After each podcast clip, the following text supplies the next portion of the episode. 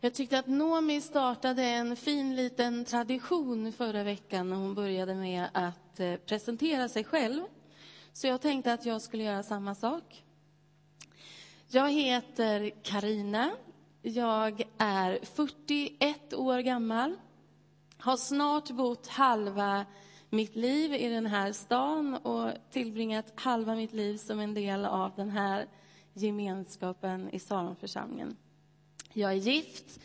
Jag har två eh, söner på väg in i tonåren som jag får betala dyrt för att lyssna till mamma predika idag. Hejaklacken sitter på första raden här. Jag tycker om eh, turkost, pelargoner och eh, sjalar. Jag ser verkligen fram emot nästa vecka när jag ska få packa upp mitt nya verktyg och använda det, en överhandsfräs. Låter det inte häftigt? Eh, jag tycker att eh, man borde gapskratta minst en gång om dagen och jag försöker att göra det själv. Jag har också väldigt lätt för att bli rörd till tårar och gråta. Och jag blir också väldigt lätt åksjuk både av bilar och karuseller och tv-spel. Det är ungefär jag. Som, eh, som Erik sa så tar vi oss an första Petrusbrevet den här sommaren och vi tar en liten snutt av brevet varje söndag. Och det finns en övergripande rubrik som är satt för den här sommaren. En vanlig människa och hur helig som helst. Jag tänker när jag läser den rubriken att jag har inte så svårt att sortera in mig själv under den där vanliga människan som äter och sover och går till jobbet, tittar på någon tv-serie, går på Liseberg ibland, handlar på Willys och Ica, som gråter och skrattar och kokar spaghetti och ni vet alla såna här vanliga saker som man gör under en vecka. Eh, och jag tänker att kanske ni är funtade likadant. Om ni skulle sortera in er själva under kategorin vanlig människa eller kategorin helig människa så kanske ni tenderar till att tänka vanlig från början. Jag vet inte om det bara är jag. Och när jag läser rubriken så får jag lite prestationsångest för jag känner mig inte hur helig som helst faktiskt. Ganska vanlig.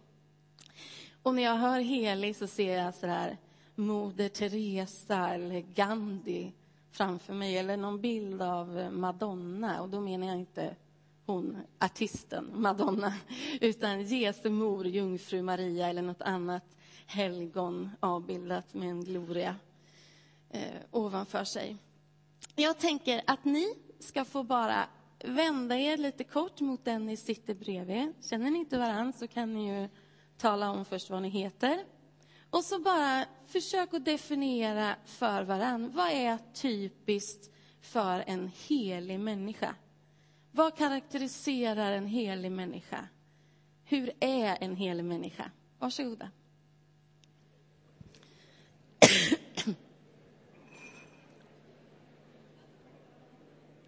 Hörrni, det är underbart att höra att ni har massa att prata om. Om det nu handlar om helig vanlig människa eller om det handlar om vad vi gör efter gudstjänsten. Det är bara underbart när ni connectar med varann. Ha de här tankarna med er eh, under resten av gudstjänsten. Så ska vi se om Petrus kan hjälpa oss på traven och ge oss några fel... Jag trasslar in mig i den här mikrofonen. Några fler karaktärsdrag hos en helig människa. Och är det så att man kan vara helig och vanlig på samma gång, som den här rubriken ändå på något sätt hintar om. Eh, för er som inte har varit med under sommaren eh, så ska jag bara koppla tillbaka lite till var det är vi befinner oss någonstans.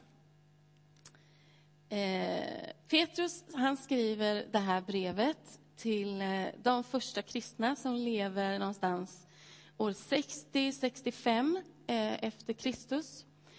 Eh, och de man skriver brevet till, de, de bor i mindre Asien, som är någonstans ungefär där Turkiet finns idag. Och de lever utspridda i små grupper i de romerska provinserna. Och här är man lite udda fåglar. Här är man minoriteter med ett annat ursprung, med andra seder och med en annan tro än den omgivning eh, som man finns i. Och förföljelse är på ett eller annat sätt en del av deras vardag.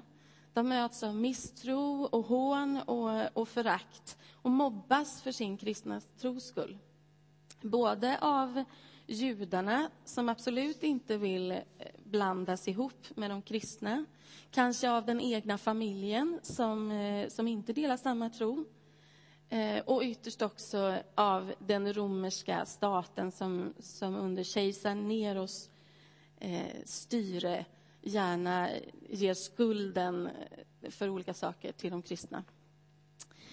Eh, och Petrus han skriver det här brevet för att uppmuntra dem, för att trösta dem och för att säga till dem att stå fasta trots de eh, omständigheter ni finns i. Härda ut. Och vi kommer in i texten i ett avsnitt, mitt i ett avsnitt. Eh, vi ska gå till kapitel 2, vers 18 i första, första Petrusbrevet. Sidan 875 om du har en sån här eh, lånebibel. Och vi kommer in mitt i ett avsnitt när Petrus talar om hur vi ska leva i vår omgivning. Hur vi ska leva i våra relationer och i den här världen. Och tidigare så har han pratat om hur man ska uppföra sig i samhället och vilken hållning man ska ha i förhållande till statsmakterna. Men då läser vi från första Petrus brev 2, eh, vers 18. Ni som är slavar, underordna er era herrar. Lyd och respektera dem, inte bara de goda och hyggliga, utan också de orättvisa. Den som härdar ut i oförtjänta lidanden därför att han har Gud för ögonen, han gör något stort. Vad är det för berömvärt i att tåligt ta emot hugg och slag när ni har felat? Men om ni står ut med att misshandlas när ni har gjort rätt, då är det något stort i Guds ögon. Det är vad ni har kallats till. Till också Kristus led för er skull och gav er ett exempel för att ni ska följa i hans fotspår. Han begick inte någon synd och svek fanns inte i hans mun. Han svarade inte med skymford när han skymfades. Han svarade inte med hotelse när han fick lida. Han överlät sin sak åt honom som dömer rättvist. Våra synder bar han i sin egen kropp upp på träpålen för att vi skulle dö bort från synden och leva för rättfärdigheten. Genom hans sår har ni blivit botade. Ni var som vilsegångna får, men nu har ni vänt tillbaka till era själars herde och vårdare. Jag möblera om lite här. Det första Petrus eh, gör här, det är ju att han, eh, att han vänder sig till, eh, till slavarna. Och jag tänkte när jag läste den här texten att okej, okay, vad är detta nu då? Eh, här, här säger han till de som redan är förtryckta att de ska böja sig. Det låter som att han förespråkar slaveri. Eh, han säger till de här grupperna, både slavar och senare i brevet också till kvinnor som, som redan står lägst ner, att de ska böja sig ännu mer. Vad, vad är det här, tänkte jag när jag läste texten först. Alltså som slav så kunde du vara en av hundratals slavar i ett stort hushåll. Det fanns olika uppgifter. Eh, vissa jobbade hårt på fält och i gruvor och i byggen. Andra med mer hushållslika sysslor eller i förvaltning och administration och sådär. Eh, och en slav var inte någon som man räknade med, någon som man ens tilltalade eller förväntade sig att få, få något slags eh, gensvar ifrån, eh, annat än med order och, och, och på, den, på det sättet. Eh, utan de fick böja sig under någon annans vilja, under någon annans beslut. Eh, och många betraktade slavarna som inte ens fullvärdiga personer, utan som en sak, som en, som en ägodel. Och eftersom de inte var fullvärdiga personer så kunde man ju heller inte göra fel mot dem. Och eh, man förväntade sig heller inte att en slav skulle ha något eh, moraliskt ansvar själv. Och var du dessutom en slav som hade kommit till tro på Kristus och ville praktisera din tro och, och utöva din tro så kunde ju det i sig också leda till mer prygel och mer straff, att du blev mer, mer nedtryckt. Och det första Petrus då säger till de här slavarna, det är underordna er era herrar. Lyd och respektera dem.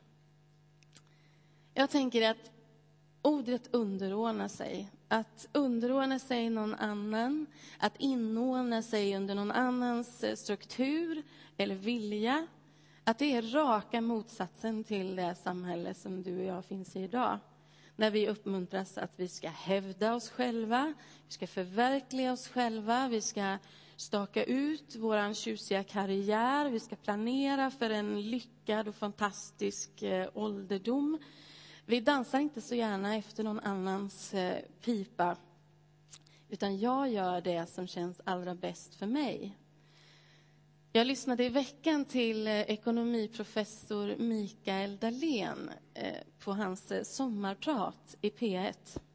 Och han sa ungefär så här, att vi lever i en värld när vi inte måste göra någonting. Han hävdade att det finns så oändligt många valmöjligheter och eftersom vi är så uppkopplade och så medvetna och så smarta så gör vi ingenting som inte vi själva vill. Vi gör ingenting som inte vi själva har valt. Och samma kille hävdar i sina böcker och sina föreläsningar att vi kan göra precis vad som helst, när som helst och var som helst. Vi beskrivs som någon slags eh, suveräna varelser eh, Eh, som kan bygga vår egen framtid. Och ingen ska lägga sig i mina val, utan jag väljer det som gagnar mig. Kanske att en nyss permitterad Volvoanställd eller liknande inte upplever sig ha de obegränsade valen. Men om det här nu ändå är den anda som finns i tiden just nu, om det är det som vi matas med, om det är det som predikas för oss, år 2010 så är det ju inte konstigt om just de här orden om att underordna oss får oss att eh, rycka till lite. Här kommer någon och säger att vi ska foga oss in under någon annans agenda. Och när jag har läst vidare i texten och läst den fram och tillbaka och hit och dit så, så växer det fram att det faktiskt inte handlar om att markera positioner vem som står över den andra. Det handlar inte om att kuva den som redan är kuvad eller trycka ner den som redan är nedtryckt. Utan det som målas upp här i texten, det är en helt annan sorts livshållning där jag avstår från att hävda mig själv. Där jag avstår från att härda mig själv. Någon slags aktiv form av ödmjukhet som kommer till en följd av att vi lever och följer Kristus och att vi tar han på allvar. Men hur ser ett sånt liv ut då? Hur gör man det? Eh, det här att hävda oss själva, det verkar som att det är någon slags medfödd drift som finns hos oss och vi kanske i viss mån behöver den. Men eh, den tar sig också i uttryck att vi gärna skyller ifrån oss när vi har gjort något fel. Om jag är inblandad i en konflikt så vill jag gärna peka på någon annan för att tona ner min egen del i konflikten. Och är det någonting större som händer utanför mig själv så vill jag gärna hitta någon annan som jag kan ge skulden. Hitta en syndabock som jag kan, som jag kan skylla på och säga att det var hans fel eller det var deras fel. Och I en familj så lever man ju ganska nära varandra och konflikter uppstår. Eh, och ni har säkert själva syskon eller kanske egna barn, eller för den delen så har ni ju varit barn faktiskt allihopa. Och ni vet att redan där någonstans i tre, fyra års ålder så börjar vi skylla på varann. Det, jag har inte gjort något, det var inte jag, det var han. Hemma hos mig kan det ofta låta, du säger aldrig till honom. Det var faktiskt han som började först, han slog mig först. Och den här typen av beteende, det tar vi med oss upp i vuxen ålder. Vi tar med oss det in i våra relationer och vi tar med oss det ut i arbetslivet och i, i den företagsvärld och så vidare. Hemma eh, på vårt radhusområde, på parkeringen, infarten till parkeringen, så finns det såna här refuger som man ska köra slalom mellan så att inte man ska åka så fort när man kör in. Och på de här refugerna så finns det varningsskyltar och en sån här eh, betonggris när jag kom ut här om morgonen så hade, hade två unga tjejer kört lite för fort vilket resulterade i att deras lilla söta bil hade skuttat upp på den där betonggrisen. Och hela bilen hängde som en gungbräda på den. Så. Det såg väldigt, väldigt gulligt ut. Och jag mötte de här tjejerna vid soptunnan och de frågade mig efter, efter telefonnumret till vår samfällighet som har ansvar för området. För föraren kunde ju inte rå för att det stod en betongklump mitt i vägen. Utan det måste ju vara samfällighetens fel, eller kommunens fel, eller vems fel det nu är att det står en betonggrej mitt på vår gata. Och ni kan säkert komma på liknande exempel som är, som är mycket allvarligare än så. Eh, men när vi lyssnar till Petrus så verkar det här med att skylla ifrån sig inte vara någon idé. Det finns inget berömvärt eller hjältemodigt i att försöka skylla på någon annan när vi vet med oss att vi har gjort fel. Och han pekar till och med på en livshållning som sträcker sig ännu längre än så. Han säger att till och med när vi blir orättvist behandlade, när vi blir beskyllda för saker som vi inte ens har gjort, när någon eh, hånar oss för att vi gör goda saker eller för att vi följer Kristus, då ska vi tålmodigt stå ut. Att leva så är stort i Guds ögon. För kyrkan så var slavarna fullvärdiga människor, fullvärdiga personer, jämlika personer. Så därför så pratar Petrus till dem som till vilken annan syster eller broder som helst. Men i samhället så var slaveriet deras liksom, verklighet, deras sociala struktur som de hade att leva i, att inrätta sig i. Och om de skulle följa Jesus och uttrycka sin tro, då var det inom den ramen som de hade möjlighet att göra det. Eh, så genom att underordna sig sina herrar Eh, även om de blev hånade, även om de blev förtryckta, så kunde de kanske i det långa loppet peka på Kristus med sina liv. Och det verkar vara själva kärnan här. Att det finns ett kristet sätt att leva som eh, visar sig mycket effektivare än att predika, kanske gå och sätta mig, eller att vittna med ord. Det finns en hållning som vi aktivt kan välja, en annan attityd eh, där vi trots omständigheter i stort och i smått kan välja att handla på ett annat sätt. Eh, en attityd som skapar förutsättningar för evangeliet att slå rot och som gör det möjligt för det goda att få fäste i den här världen. Jag lyssnade i veckan, eller för någon vecka sedan, till Fabian Bengtsson, Sibas vd, som för fem år sedan kidnappades och hölls fången i en låda som var två meter gånger en meter gånger en meter stor. En ljudisolerad låda med jättedålig luft och inget ljus in. Här satt han i 17 dygn 23 och en halv timme om dygnet instängd i den här lådan. Han fick komma ut ibland för att göra sina behov. Men annars så satt han där. Och I sin berättelse så berättar han hur han redan från första stund bestämmer sig för vilken hållning han ska ha gentemot sina eh, förövare. Redan när de hoppar på honom i garaget vid hans bil och han tror att de bara ska ta bilen. Eh, han valde från början att vara artig, att vara tillmötesgående, att tacka för maten, att tala vänligt till dem, att inte på något sätt utgöra ett hot och inte få några hysteriska utbrott och böna och be för sitt liv och så. Eh, han valde också att inte stirra dem i ögonen utan att hålla ner sin blick, liksom ödmjukt vända sig mot dem. Och så börjar han samtala med en av killarna som satt, var satt att vakta honom. Och efter 17 dygn så hade en relation vuxit fram mellan de här två männen. De hade blivit människor av kött och blod för varann. Och något slags ömsesidigt beroende av varandra hade vuxit fram. Empatin och medkänslan hade slagit rot och det goda hade fått fäste i den här grymma situationen. Petrus han säger, var fria människor. Och det säger han till alla som har kommit till tro på Jesus Kristus. Var fria människor.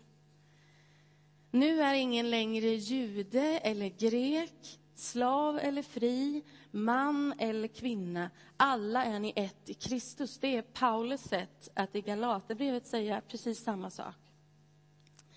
I Kristus så har muren mellan oss människor brutits. Det finns ingen som är mer värd, ingen som står högre upp, ingen som är viktigare än någon annan. Utanför inför honom så är vi alla lika. I Kristus så är varje människa fri och myndig.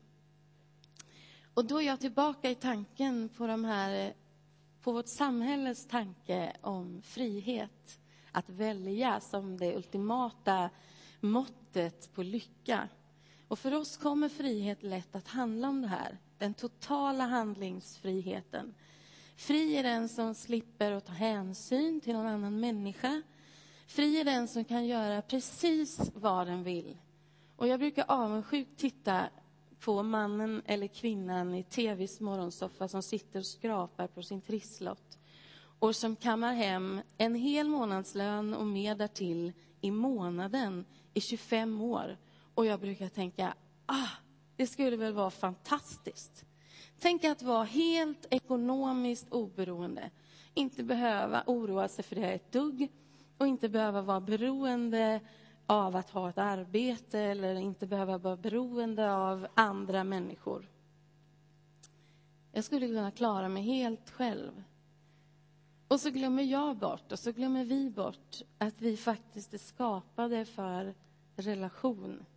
Vi är skapade för beroende av varann och ytterst för beroende och relation med vår skapare Gud själv.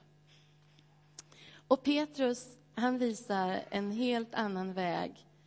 Eh, han säger att frihet kommer inte av att vi är beroende av andra människor, utan vår frihet, den har vi i Kristus. Och Jesus säger också så. Han säger om nu sonen befriar er så är ni verkligen fria. I efterföljelsen av Jesus så finns friheten. Det är han som är mönstret för vår frihet. I honom så kan vi förverkliga vår frihet och förverkliga vårt liv. Och det är en frihet som sträcker sig bortom slaveri, bortom vår fysiska situation. Vi sjunger ofta en lovsång där vi sjunger allt till Jesus. Allt jag är och allt jag har och allt jag längtar att få bli. Allt jag har av drömmar, det lägger jag nu i din hand, Gud. Och så kommer refrängen där vi sjunger om och om igen. Det är bara i din vilja som min frihet är. Det är bara i din vilja som min frihet är. Det måste ju vara fullständigt obegripligt för den som är färgad av vår tids andas sätt att tänka. Där vi ska kunna själv och där vi ska vara totalt oberoende. Där vi ska gå vår egen väg och där vi inte ska bry oss om någon annans vilja. Det är bara i din vilja som min frihet är. Vad innebär det konkret då, att följa honom?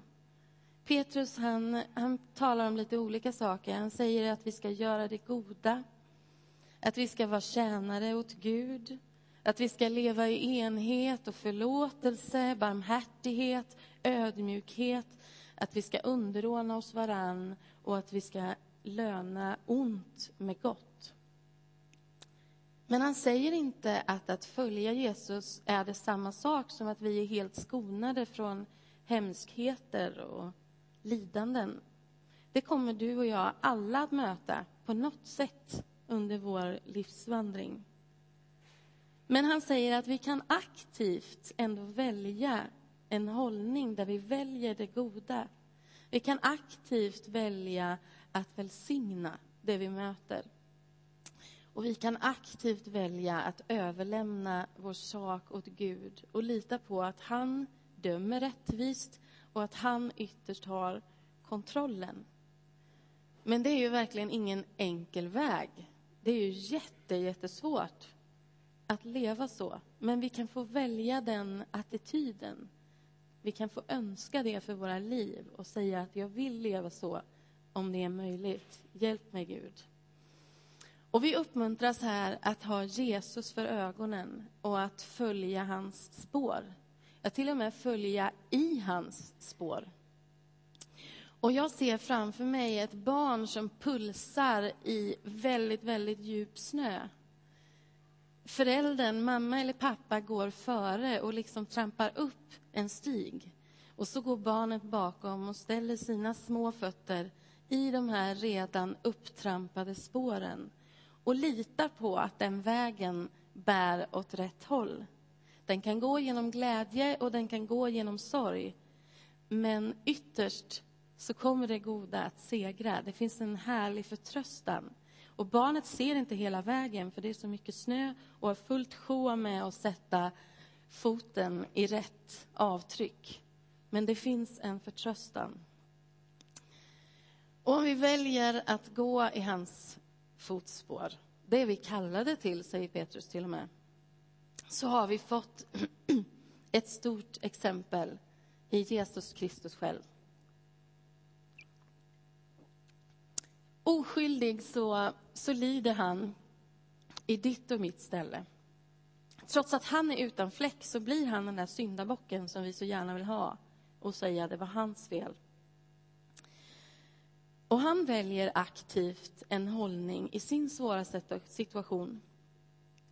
Tyst så lyssnar han på dem när de anklagar honom. De kommer med motstridiga berättelser som inte ens är sanna. Eh, och han lyssnar tyst när de anklagar honom.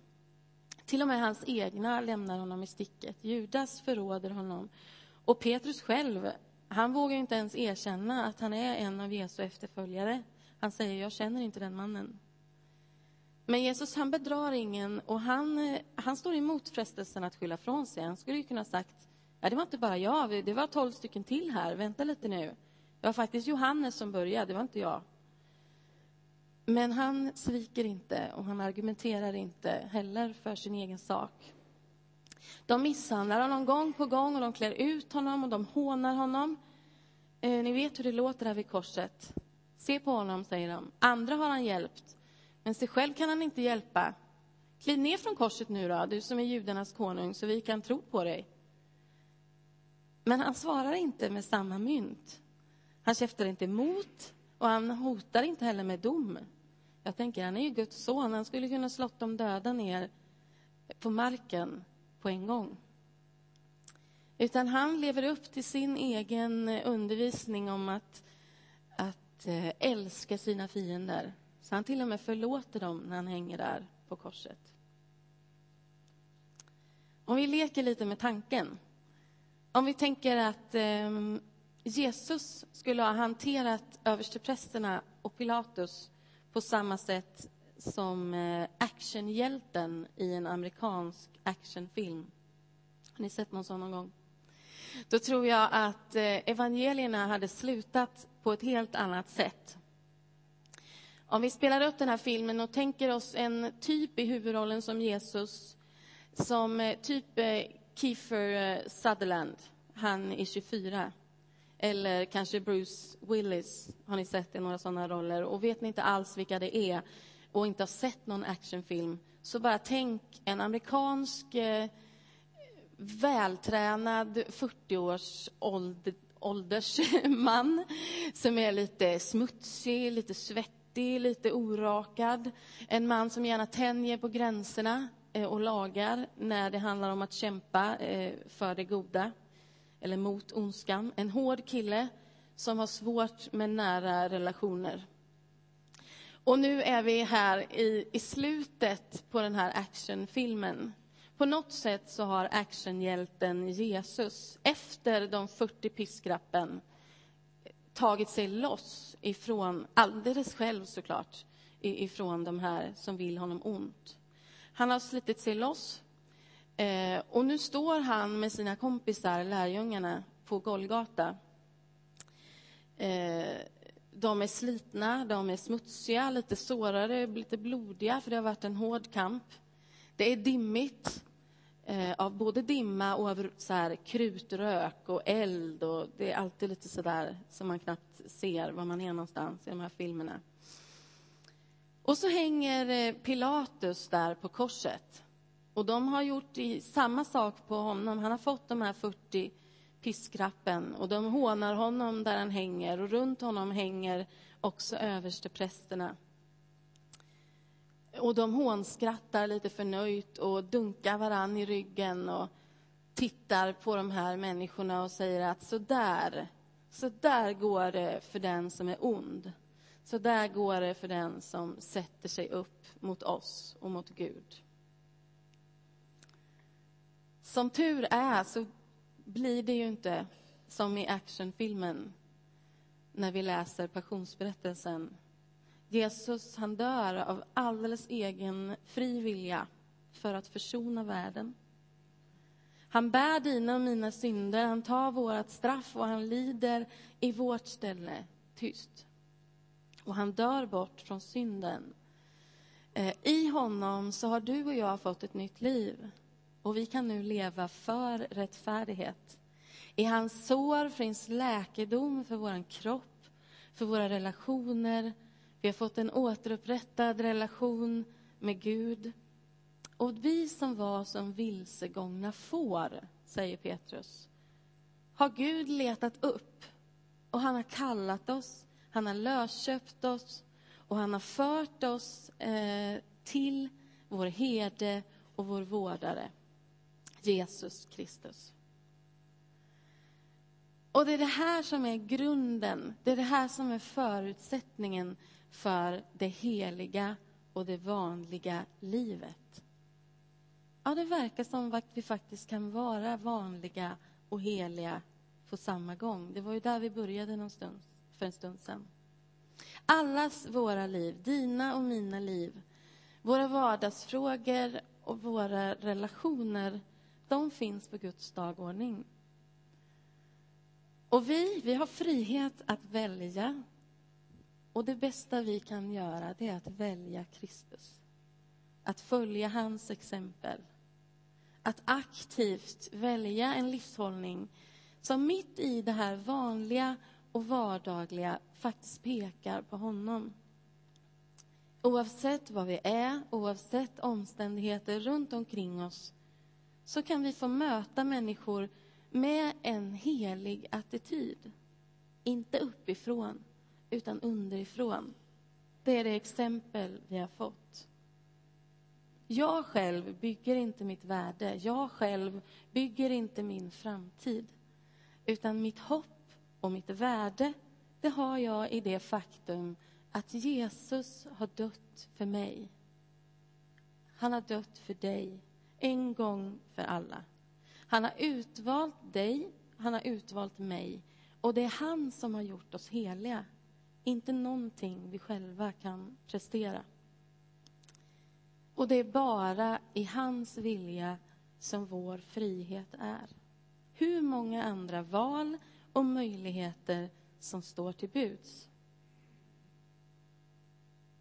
Så därför så kan jag säga Därför att jag får leva i och genom Kristus så är det möjlighet, möjligt för mig att vara en vanlig människa och hur helig som helst. Amen.